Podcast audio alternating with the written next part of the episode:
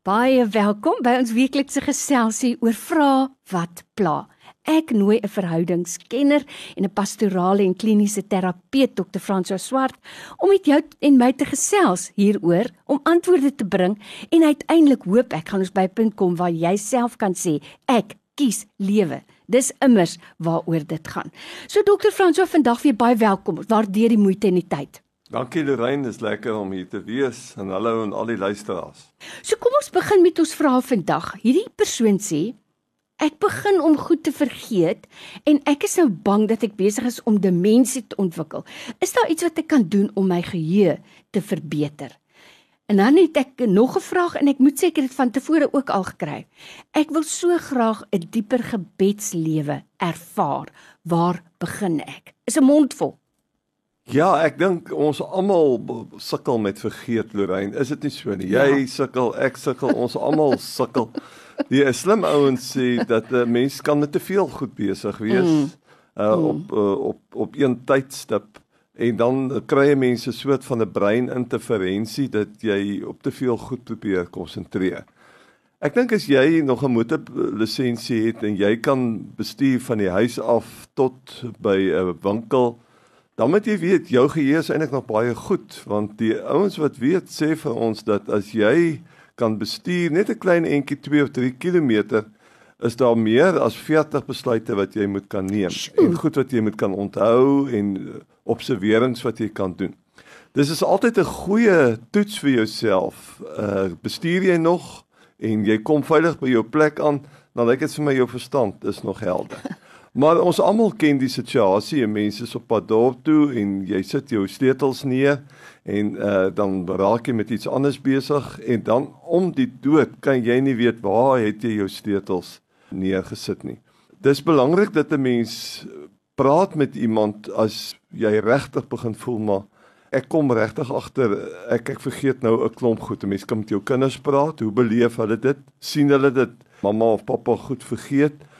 Of jy kan dan maar by 'n professionele persoon uitkom wat 'n basiese toetsie doen is gewoonlik 'n sielkundige of 'n psigiater wat 'n klein geheue toetsie doen wat bestaan uit 5 of 6 vrae en op dié manier stel hulle vas of daar regtig probleme is. As jy regtig ernstige probleme het, dan kan hulle 'n breinskandering doen om seker te maak dat daar nie iets fout is met die brein nie. Dis ek dink die belangrike ding is dat 'n mens in kontak is met jouself en ook met jou geheue en dat 'n mens ook mooi na jou geheue moet kyk, nie met te veel goed besig moet wees nie. Mm. Konsentreer op een ding, fokus, fokus, mm. fokus mm. en beweeg dan na die ander ding toe. En is daar dinge wat 'n mens kan doen wat jou geheue kan verbeter? Jy hoor mos nou, doen sudoku, doen blokraaie. Ja, help. ek ek het gewonder of daai vraag nie sal kom nie. Ek dink blokkies raaisels is nog altyd goed mm. en as 'n mens kan jou geheue oefen met speletjies, onthou speletjies. Dis tog pret ook en mm. dit is lekker. 'n Mens moet aanhou lees, jy moet jou brein stimuleer. Raaisels is goed. Die brein is amper, ek wil nou nie sê hy is 'n spier nie, maar die brein is soos 'n spier in die sin dat jy met 'n spier gebruik Uh, dit is soos vir die rugby ouens sê met 'n rugbybal use it or lose it. Mm, mm. En so is dit met jou spiere, uh, use it or lose it. Die mens mm. moet gereeld gaan stap anders te gaan jou spiere agteruit gaan en so is dit ook met jou brein. Jy moet jou brein gebruik en jy mm. moet besig wees en jy moet lees en en jy moet aan dinge dink en en en speletjies speel en dit hou ook dan 'n gesonde brein aan die gang. Die uh, ander vraag wat Ek dink vir ons as gelowiges baie kosbaar is is 'n gebedslewe. Hoe kan ek 'n oorvloedige gebedslewe kry en hoe kan ek dit in stand hou? Waar moet ek begin as ek bietjie sukkel met my gebedslewe? Dis 'n belangrike vraag want hmm. die gebedslewe is is die kern van ons verhouding met ons Vader en Jesus en die Heilige Gees. Dit is ons tool as te ware wat vir ons bewus maak die heeltyd van sy teenwoordigheid in ons lewe. Ek dink die belangrike ding van 'n gebedslewe is dat 'n mens die Bybel kan gebruik mm. as 'n beginpunt en jy kan na die psalms toe blaai en veral as jy hierdie parafrase vertalings ons het nou in 2020 'n nuwe Afrikaanse vertaling wat uh, nou verskyn. Dit sou goed wees om die nuwe Bybel vir jou te koop vir Kersfees dalk en te werk op die psalms. En dan kan jy met 'n pen of met 'n potlood alles in daai psalm. Ons weet dis liedere wat eintlik daar saam gebundel is, mm. die 150 psalms. En alles wat vir jou iets sê van God en of iets sê van van wat jou verlange is of vir wie jy dalk wil voorbidding doen waar jy optel in die psalms waar 'n persoon bely sy eie skuld en sy ver wees van God af onderstreep dit en maak dit deel van jou gebed.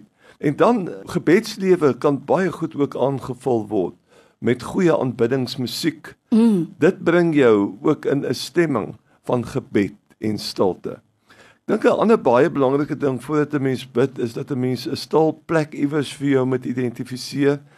Uh, probeer om lekker asem te haal, luister na jou eie asemhaling, kry net jou gedagtes eers weg van alles wat jy nog moet doen vir dag. Luister en voel bietjie hoe voel jou voete, jou knieë, hoe voel dit uh, jou borskas, haal bietjie diep asem en kom net tot rus. Soek die stilte op. Wat hoor jy? Probeer dit aanteken. En dit bring my dalk by 'n laaste punt rondom 'n goeie gebedslewe. En dit is om 'n gebedsjoernaal te hou, mm. om 'n boekie dalk aan te skaf, skryf dit is jou gebedsboek. Jy het die Bybel, jy kan na geestelike liedere luister, maar jy maak aantekeninge oor goed wat wat nou vir jou belangrik is. Gebed hoef ook nie lank te wees nie. Dit hoef nie ook uh, in 'n spesiale formaat te wees nie, want gebed met jou Skepper is eintlik maar net 'n gesprek. Mm. Soos wat ek en jy hier met mekaar sit en gesels, wanneer 'n mens lekker by mekaar kuier, is dit ook 'n geleentheid vir jou as 'n gelowige om met jou Vader in 'n gesprek te tree oor waar jy is in jou lewe op die oomblik. Wat is jou bekommernisse? Maak 'n lysie vir die mense vir wie jy voorbinding wil doen. Uh, dink aan mense wat jy dalk 'n gebed voor kan uitskryf en dit dalk vir hulle kan WhatsApp. Dit verryk jou ook om 'n gebed neer te skryf wat jy vir iemand bid en dit dan vir hom of vir haar te stuur. En dit is goed om 'n spesifieke tyd, miskien vroegoggend voordat jy met jou dag begin, stil te word en dan te konsentreer voordat al die geharwar en die besige program jou oorval dat jy eers met jou Vader praat. Dis so belangrik en en ek dink as ek nou iets wegneem hier is gebed is maar net gesprek met God. Dit is so belangrik. En jy weet ons het al in die verlede gepraat oor mense wat sukkel om te slaap. Gaan doen huisbesoek daar waar jy in die bed lê. Stap van een huis na die ander. Bid vir elke persoon in daardie huis. En hou op bekommer daaroor dat jy nie kan slaap nie. Jou liggaam rus ten minste. Jou ledemate lê lekker op 'n sagte matras en bid. Bid. Dis my so 'n belangrike punt daai. Dis 'n gesprek en gelukkig daar's ook baie literatuur wat 'n mens kan gaan koop uh, as jy hmm. vir jou dalk 'n goeie geskenk wil koop vir Kersfees. Uh is dit goed om dalk na 'n geestelike boekwinkel te gaan.